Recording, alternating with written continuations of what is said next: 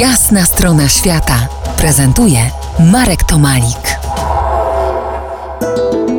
Moim gościem Michał Witkiewicz, podróżnik, dziennikarz, nauczyciel akademicki, przewodnik, pilot wycieczek, prezes Polskiego Klubu Przygody i animator turystyki autostopowej.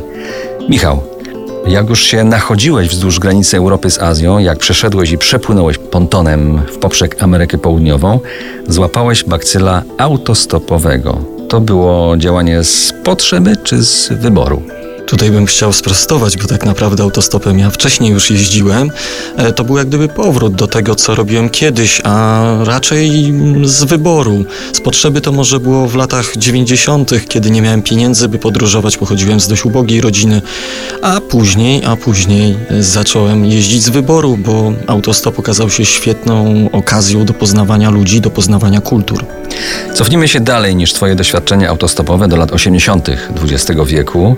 Pamiętasz słynne wtedy książeczki autostopowe? Ja te książeczki jakoś tam jeszcze pamiętam, chociaż nie korzystałem. No książeczki pamiętam, chociaż ja też nigdy nie korzystałem. Mam taką jedną e, książeczkę autostopową z lat 70. w swoim domu.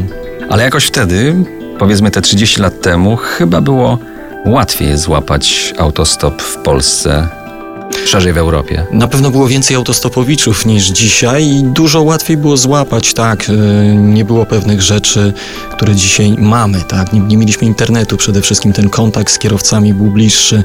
Dużo fajnie się też podróż- podróżowało niż dziś. I chyba bezpieczniej. Na pewno, na pewno bezpieczniej niż dzisiaj, chociaż dzisiaj też autostop, ja nie mogę powiedzieć, że jest e, formą jakąś niebezpieczną, jeżeli chodzi o wędrówki, jeżeli chodzi o podróżowanie. O tym porozmawiamy jeszcze, o tym, co jest teraz, ale tak z perspektywy czasu. Tamte z y, lata, lata 80., 90. XX wieku, początek lat 2000.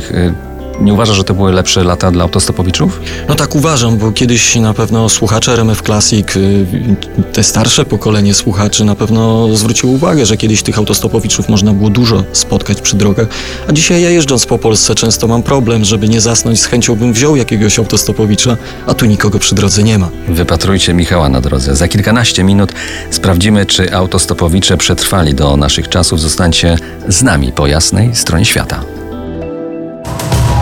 To jest Jasna strona świata w RMS Classic.